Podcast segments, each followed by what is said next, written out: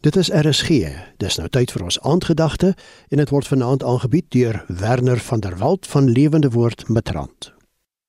Goeienaand luisteraar. As ek dink oor wat regtig op my hart is om te deel vanaand, dan dink ek aan die lewe en die storie van koning Dawid. In die tyd wat koning Dawid reeds gesalf was as die volgende koning van Israel, maar nog nie koning geword het nie. En dit net so terloops is 'n baie lang tyd gewees, ten minste 17 jaar. Het Dawid baie frustrasies en teenkanting beleef. Saul was nog in 'n plek, die vorige koning, waar hy vasgehou het aan alle politieke mag. Soveel so dat Dawid moes vlug vir sy lewe. Hy's iemand wat op vlug is in angs lewe vir sy eie lewe en vir sy oorlewing. En terwyl hy op vlug is, het hy eintlik op 'n informele manier 'n bende bymekaar gemaak, 'n groep mense bymekaar gemaak wat geen ander heenkoming gehad het nie.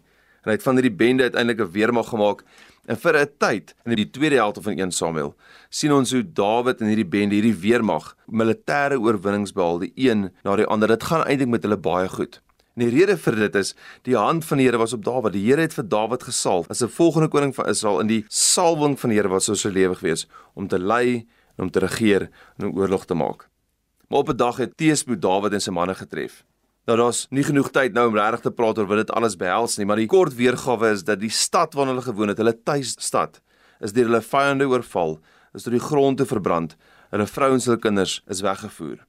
Miskien in daai konteks die grootste, slegste teëspoed wat iemand ooit kan tref.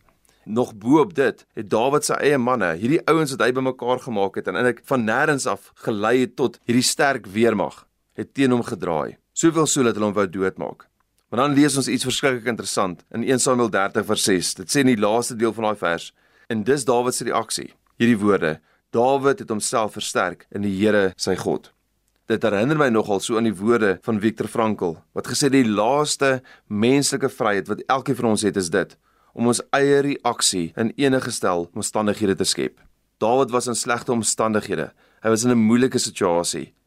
En net soos Dawid, bevind ek en jy onsself ook van tyd tot tyd in moeilike omstandighede, of in slegte situasies. En ons het nie altyd beheer oor die omstandighede nie, maar die een ding waar ons vir altyd wel beheer het, is ons reaksie in sulke omstandighede. Ek wil afsluit met hierdie gebed, die gebed van vrede. Kom ons bid dit saam. Here gee my die vrede om my dinge te aanvaar wat ek nie kan verander nie. Here gee my die moed om my dinge te kan verander wat ek wel kan verander. En Here gee ook vir my die wysheid om die verskil te ken tussen hierdie twee in Jesus naam. Amen. Die aandgedagte hierop is aangebied deur Werner van der Walt van Lewende Woord Matrant.